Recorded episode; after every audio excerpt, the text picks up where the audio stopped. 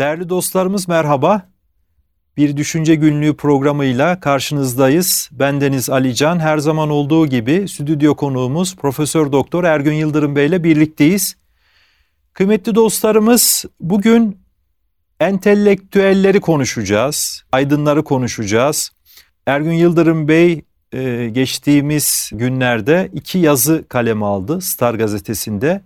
Bunlardan birisi üç entelektüel tip başlığını taşıyordu. Hocam bir hafta sonra da Batıya kapı kulu entelektüeller evet. E, diye bir yazı daha kaleme aldınız.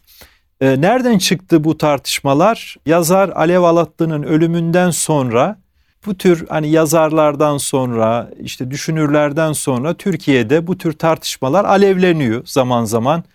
İşte gerçek aydın kim? Entelektüel kim? Yani entelektüel muhalif mi olmalı? İşte devlet mi kutsamalı? E, değerlerimize nasıl bakmalı? İşte batıcı mıdır, değil midir? Bu tür tartışmalar, bu tür vefat haberlerinden sonra tekrar bir ayyuka çıkıyor, tartışılıyor. Biz de bugün biraz Türk entelektüellerini konuşacağız. Dediğim gibi Alev Alatlı'nın ölümünden sonra bu tartışmalar tekrar alevlendi, yazıldı, çizildi. Hocamızın da iki yazısı var. Hocam e, siz entelektüel kimdir e, evet. sorusuna cevap verirken işte Şerif Mardin, e, evet. Sabri Fehmi Ülgener, Cemil Meriç, işte Menheim'dan, Ali Şeriati'den, Edward Said'den böyle alıntılar da yaptınız o yazınızda. Özellikle Edward Said'in Entelektüel diye bir kitabı var değil mi evet, hocam? Ve orada entelektüelin muhalif olması gerektiğini söylüyor. Evet, Çünkü söylüyor. diyor iktidarlar birçok erki elinde tutar. Evet. E, muhalif olmalıdır e, entelektüel. entelektüelde diyor. Bizdeki tartışmalar da biraz herhalde buradan çıkıyor. Yani evet. bizim entelektüel saydığımız kişiler, Türk entelektüelleri muhalif midir? Evet. İşte devleti çok mu kutsarlar, devlet yanlısı mıdırlar? Yani evet. E, evet. bir de bizim mahalleninde meseleleri var. Siz evet. sizin de bir kavramsallaştırmanız var. Yani firari aydın, firari evet. entelektüel diyorsunuz. Evet. Ee, ben şunla başlamak isterim. Entelektüel kimdir hocam? Evet. Ve bu üç entelektüel tipi yani siz böyle bir tipoloji oluşturuyorsunuz. İşte muhalif entelektüel, işte devleti kutsayan, tek devleti kutsayan ama hani evet, o manada evet. diyorum. Ee, bir de yine bu muhaliflikten ziyade sizin de bir alternatif entelektüel tipolojiniz var. Onu belki mesafeli, entel mesafeli entelektüel mesafeli diyelim. Diyorum, serbest evet. dolaşan. Serbest dolaşan. Serbest dolaşan entelektüel. Onu belki programımızın evet. ikinci bölümünde konuşacağız ama özellikle hani muhalif olmak nedir? Devleti kutsamak nedir? Bir de batıcı entelektüeller var. Siz evet, ona evet. batıya kapı kulu entelektüeller evet. diyorsunuz. Yani entelektüel nedir? Bu tasnifleri Nasıl yaptınız hocam evet, siz? Evet. Çok teşekkür ederim. Sosyal bilimlerde tabii herhangi bir meseleyi, bir olguyu böyle matematik gibi çok net bir şekilde ortaya koymak kolay değil. Ama bu kolay değil diye de entelektüel tanımlanamaz gibi bir sonuca varmamız gerektirmiyor. Evet. Çünkü bu alanlarla ilgili çalışan sosyal bilimler de var. Yani mesela siyaset bilimi var, sosyoloji var, bilgi sosyolojisi var. Özellikle bilgi sosyolojisinin çok önemli konularından birisi. Mesela Sabri Ülgener Aydınlar ve İzimler diye bir kitabı. Evet. İlk okuduğum kitaplardan birisidir bu konuda ve önemli bir kitaptır. Yine Edward Said'in entelektüel üzerinde duruyor ve böyle de bir kitabı var. Mannheim'in serbest dolaşan entelektüeller diye bir tasnifi var. Ondan sonra Cemil Meriç'in Cemil farklı Meriç'in, kitaplarında farklı başlıklarda değinmeleri evet, var. Mağaradakilerde, mağaradakilerde çok geniş bir biçimde evet. entelektüeli anlatır. Entelijansiya. Evet. Rusça evet. bir kelime kullanır. Evet, entelijansiya. Ee, Türkçede belki en geniş, en geniş kapsamlı yazılan entelektüeller üzerinde yazılan metinlerden birisidir hakikaten. Biz hocam Hem, entelektüeli Türkçedeki aydın karşılığında da kullanıyor muyuz? Ya, aydın e, şöyle bir kafa karışıklığı var tabii. Yani hatta münevver kavramı var. Onu da ilk e, Ziya Gökalp'in kullandığı filan söyleniyor. E, münevver hocam. kavramını Osmanlı döneminde evet. aydınlarımız kullanıyor. Yani 50-60'lara kadar kullanmaya devam ediliyor. Tenvir eden, evet. aydınlatan, aydınlatan. Daha sonra da aydın kelimesi evet. geçiyor. Şimdi de yaygın olarak entelektüel kullanıyoruz. Şimdi bazıları aydını daha çok gazetecilik yapma düzeyine indirgeyerek entelektüelin daha üst bilgi ve donanıma sahip olduğunu söylüyorlar. Bunlar subjektif tanımlar. Çünkü genel olarak entelektüel kelimesi zaten köken olarak Latince olabilir. İngilizceden alarak biz kullanıyoruz. Akılla ilgili bir şey yani aslında. Zihinle, yani zihinle düşünceyle, düşünceyle, akılla ilgili olan yani bu insanlar düşünen, düşünceyle uğraşan, bilgiyle uğraşan, kültürle uğraşan insanlar. Oku, okurlar, yazarlar, ortamlar oluştururlar, bilgi üretirler. Bazen sürüklerler hocam. Evet. Ee, ben daha çok şöyle görüyorum. Üst bir bilinç düzeyine sahip olan evet. insanlar. Yani insanı, toplumu, tabiatı konuşurken, dini konuşurken bilgi donanımları ve bilinç düzeyleri yüksek. Sadece bilgi değil, bilgisayara da birçok bilgiyi doldurursun ama bilinci yoktur. Şimdi yapay zeka ayrı bir şey tabii. Ama entelektüel dediğimiz, münevver dediğimiz insan ise önce kendisi aydınlanmış ki belli konularda sonra aydınlatmaya yöneliyor. Entelektüel de öyledir. Bu daha çok modern dönemde aslında okursak matbaa kültürüyle beraber yaygınlaşan bir şeydir. Kitap, gazete, dergi, yeni okullar, mektepler, bu ortamlarda yetişen, gelişen, kamuoyu oluşturmaya çalışan, bilgisiyle kamuoyu üreten bir kesimdir. Ama gazeteler daha önemli bir rol vermiş entelektüellere, aydınlara.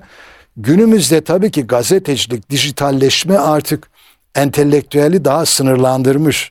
Akademik alanlardaki çalışmalarıyla, araştırma merkezindeki çalışmalarıyla öne çıkan şahsiyetler. Yani bizim saydığımız bilgiye... Cemil Meriç bir entelektüeldir. Evet. Ya, Sabri Ülgener evet. bir entelektüeldir. Evet. Sadece bir akademisyen değil. Şerif Mardin bir akademisyen olduğu kadar bir entelektüeldir aynı zamanda. Yani bilgi ve bilinç düzeyi bir de yüksek hocam, olan tabii insanlar. günümüzde bilgiye ulaşmak da kolay. Belki bu dijital çağdan önce bilgiyi üretmek de entelektüel olmak için yetiyordu ama şu an yetmiyor değil mi hocam? Şimdi şu var bilgiyle kurduğun ilişkiye bağlı. Entelektüel bilgiyi sadece toplayan, heybesine taşıyan evet. varlık değil. Ya o bilgi, bilgi sahibi derken ya ben bu konuda bilgi sahibiyim. Onunla ilgili kavrayış düzeyi, kavrayış düzeyi yüksek. O bilgiyi transfer İşle, etmesi, işlemek önemli o bilgiyi işlemesi, yorumlaması, sınıflaması. Kavram üretmesi. Tabii kavram üretmesi. Felsefede zaten düşünmek kavram üretmek demek. Diyelim ki işte mahalle baskısı dedi Şerif Mardin bir kavram üretti. Tamam mı? Şey, Nülfer Na, şey Göle yükselen değerler dedi. Veya Nurettin Topçu isyan ahlakı dedi. Modern mahrem diyor ya da Değil Nilüfer Göle. Ya isyan ahlakı diyor. Temellendiriyor. Tabii. Evet. İçinde hem olgusal bilgiler var hem de bu olgular üzerinde bir düşünme var. Düşünme kudretine sahip olan kişidir. O nedenle bir üst düşünmeye sahiptir. Bir üst bilince sahiptir. Yoksa salt düzeyde bilgileri toplamaktan oluşmuyor. Enformasyona sahip bir kişi değildir entelektüel. Evet. O işleyen, transfer edebilen, yorumlayan, meseleleri aydınlatmak için kullanabilen bu anlamlara gelir. Şimdi bu çerçevede de tabi bu bahsettiğim isimler de Edward Said bunlar da aydın.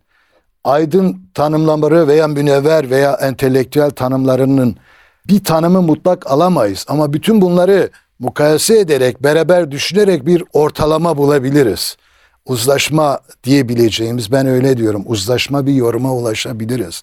O da şudur yani Alev Alatlı konuşuldu. Alev Alatlı efendim muhalif olmadığı için entelektüel değildir dendi. Bu çok sati bir okuma.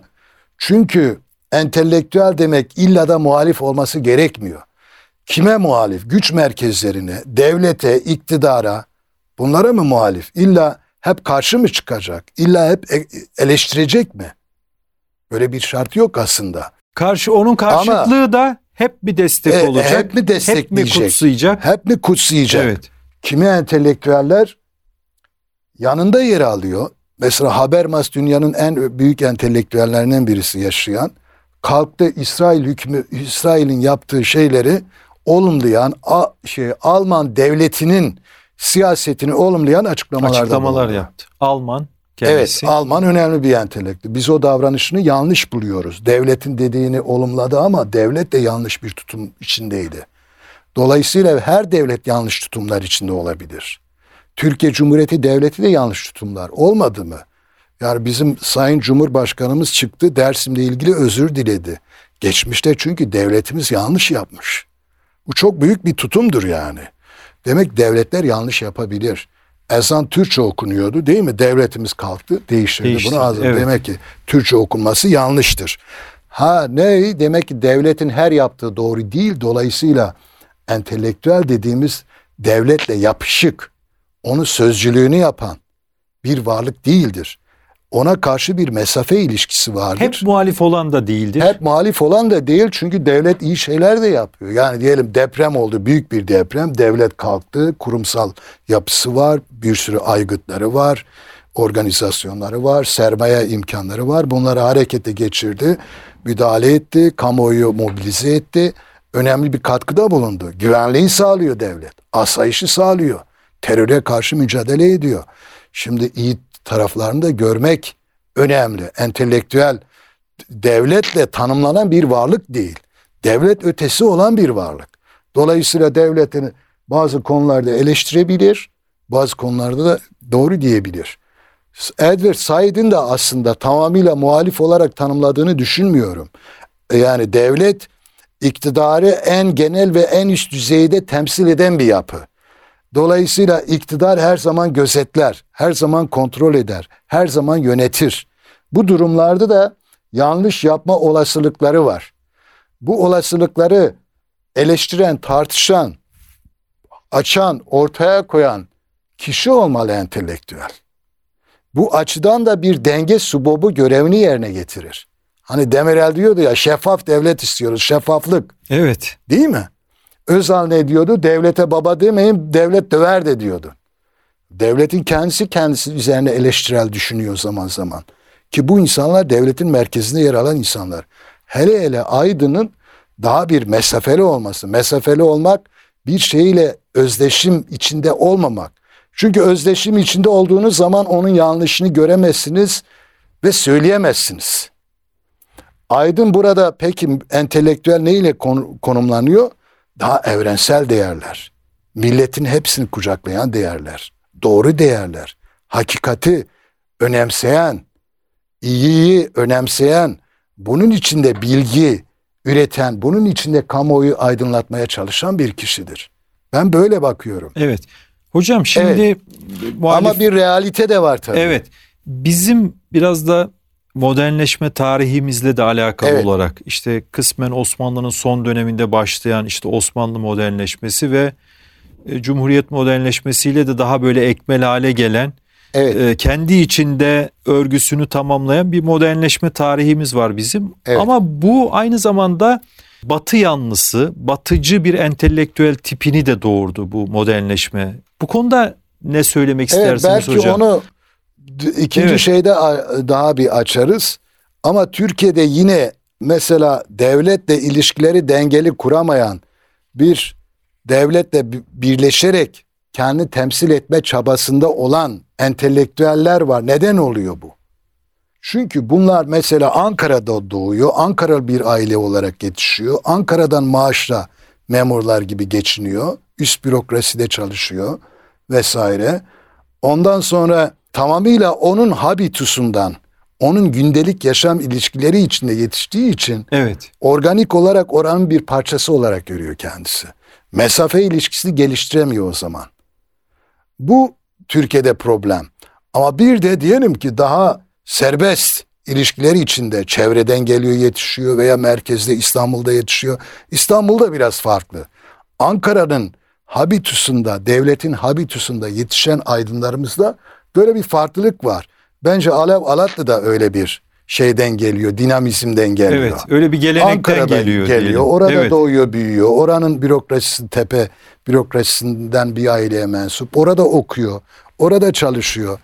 Dolayısıyla genellikle evet bir entelektüel ama entelektüel konumlanması daha çok merkezle bütünleşen, merkezi temsil eden bir entelektüel tutum var. Evet. Farklı dönemlerde de bunu görme imkanımız oldu. Şimdi bir de daha çevreden gelen muhafazakarlarla beraber, Demokrat Parti ile beraber efendim işte İsmet Özel çevreden geliyor. Evet. Ali Bulaş çevreden geliyor. Efendim Nurettin Topçu İstanbul'da yetişiyor. Cemil Meriç Hatay'dan geliyor, İstanbul'dan yetişiyor. Mesela İstanbul'un daha böyle bir Erol Güngör millet, var hocam. Erol Güngör daha böyle toplumda milletle haşir neşir olma, daha sivil bir ruhtan Sabri yetişme. Fehmi Ülgener yine İstanbul'da yetişiyor değil mi hocam? Bu İstanbul'un farklı bir Farklı, şeyi var. evet. Kültürel dünyası var, bir sosyolojisi var. Daha bu- çok kültürlü biraz da hocam. Evet, Belki dolayısıyla üniversiteden de kaynaklanıyor. Devlete karşıt da değiller Evet. ama devlete yapışık da değiller. Değiller, Mesela ya Erol Güngör rektörlük de yapmış bir insan. devlet Selçuk da Üniversitesi'nde okumuş. yaptı en son. Ama öyle doğrudan devlet sözcülüğünü yapan bir tutumu yok yani. evet. Ee, Belki hocam İstanbul Üniversitesi'nin de burada bir faktörü de olabilir. yani Yani hepsi İstanbul Üniversitesi'nden yetişmişler. E, İstanbul Sizin Üniversitesi üniversiteniz hocam. bizim üniversitemiz tabii bizim üniversitemizin Darülfünun geleneği var. Evet. Darülfünun geleneğinde efendim çok önemli cedlerimiz, entelektüel cedlerimiz, alimlerimiz yet- Evet. yetişmiş.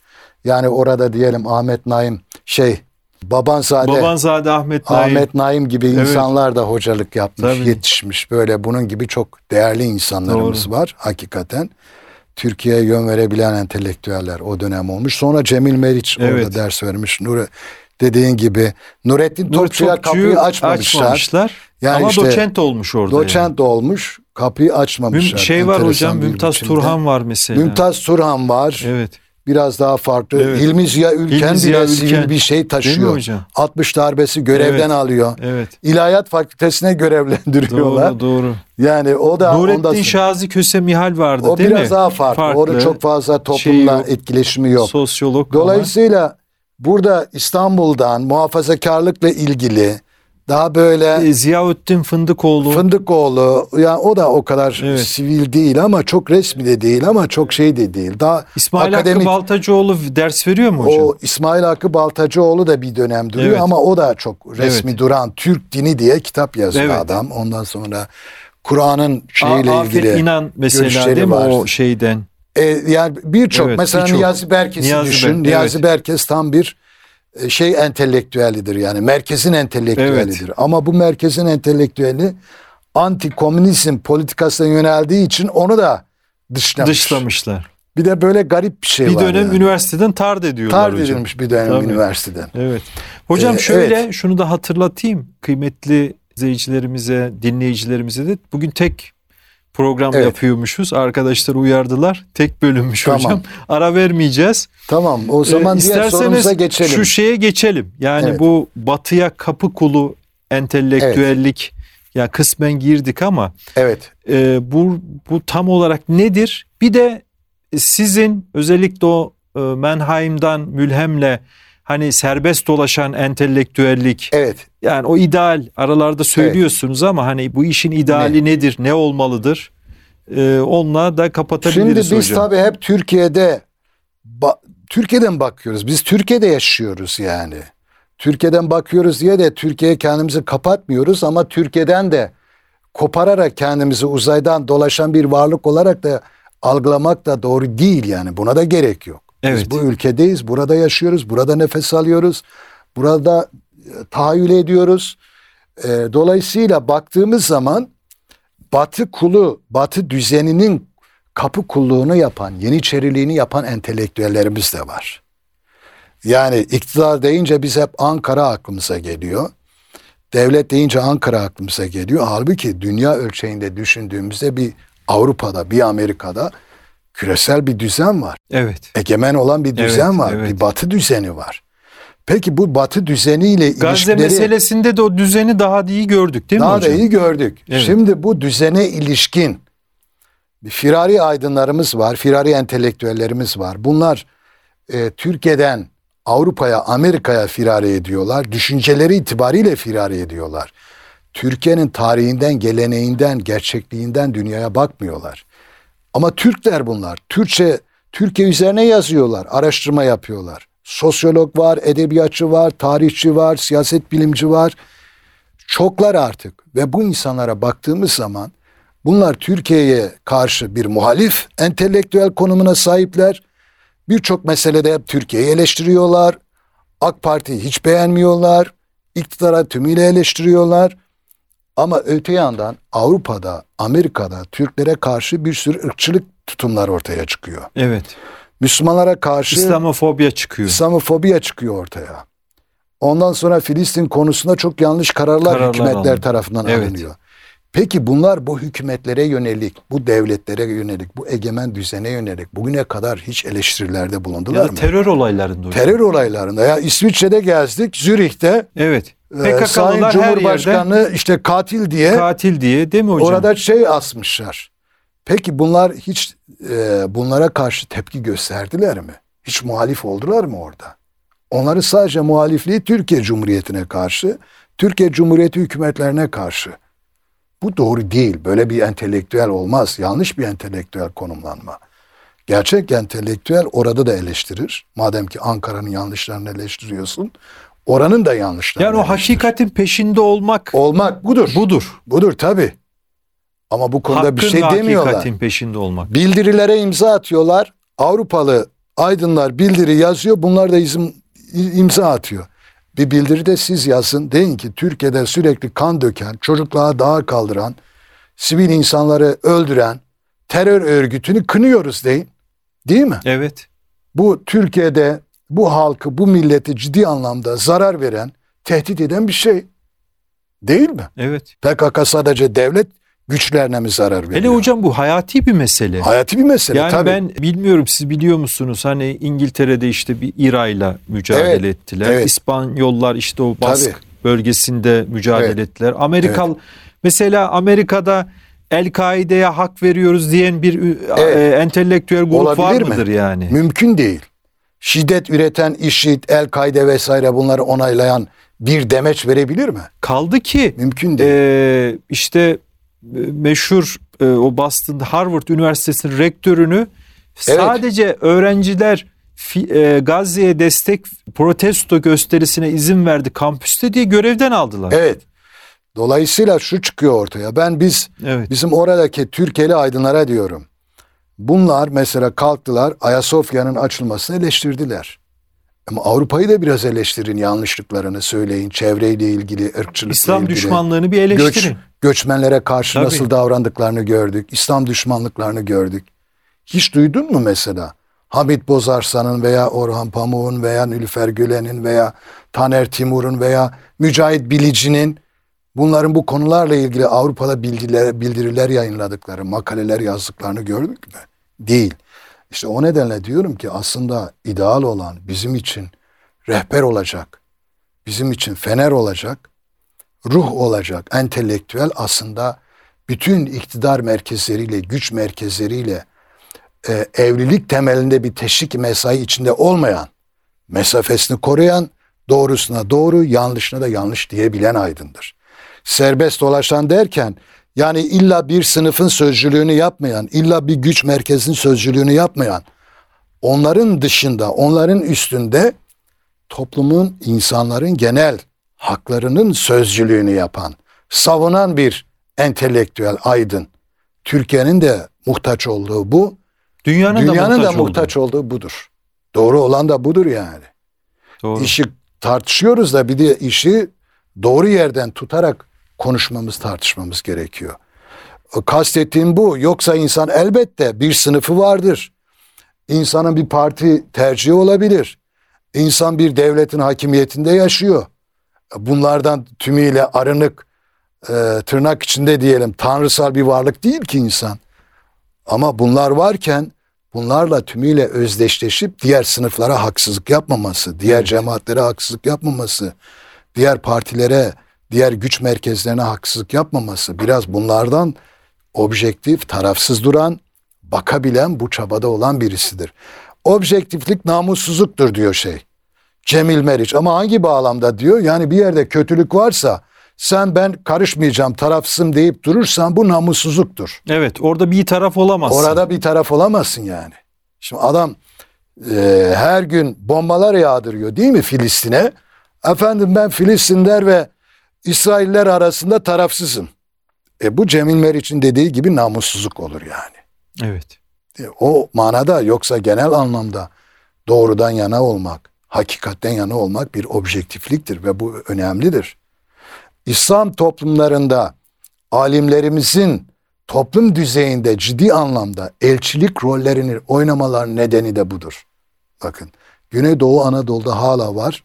Eğitim düzeyleri düşük diye bize gözükebiliyor. Hala kan davalarını, hala kız kaçırma olaylarını, bilmem ne olaylarını o işte tarafsız durabilen alimlere gidiyorlar. Mollalar ya da şeyhler evet, çözüyor. Araya giriyorlar ve Evet. insanlar çözüyorlar. Çözüyorlar. Değil mi? Evet. Ama bir kabileden yana davransa hakkı ve hak, hakkı Hakkı- temsil ettiğini bildiği için Bildiği onlara için. insanlar itimat itibar ediyorlar. ediyor. hocam. Aynen öyle. Bu Evet. çok çok değerli bir şey. Doğru. Bunu Cezayir'de de bir Fransız sosyolog araştırmış. Orada da yine İslam alimlerinin böyle bir elçilik, barış elçiliği Evet. görevini üstlendiğini. Bütün demek ki Müslüman toplumlarda varmış bu Doğru. geleneksel. Hocam o zaman yaygın. entelektüeller aynı zamanda barış elçisi olmalı. E tabi aynen Evet. öyle. Eyvallah. yani Güzel firari entelektüel kavramsallaştırmanızdan sonra Evet. bir de barış elçisi entelektüellere Barış elçisi ihtiyacımız var. entelektüel diyelim. Böyle bitirelim hocam. Eyvallah. Çok Eyvallah. teşekkür ederiz hocam Sağ olun. değerlendirmeleriniz için. Değerli dostlarımız bugün entelektüelleri konuştuk. Entelektüel kimdir? Bazı tipolojileri e, ortaya çıktı onların. E, Hocamız da son e, kısımda da ideal bir entelektüel hem bu topraklarda hem ülkemizde hem dünyada ideal bir entelektüel nasıl olmalıdırı da bize tarif etmiş oldu. Çok teşekkür ederiz Ben hocam. teşekkür ederim. Ee, haftaya düşünce günlüğünde başka konu ya da konularla tekrar karşınızda olmayı murad ediyoruz efendim. Hoşçakalın.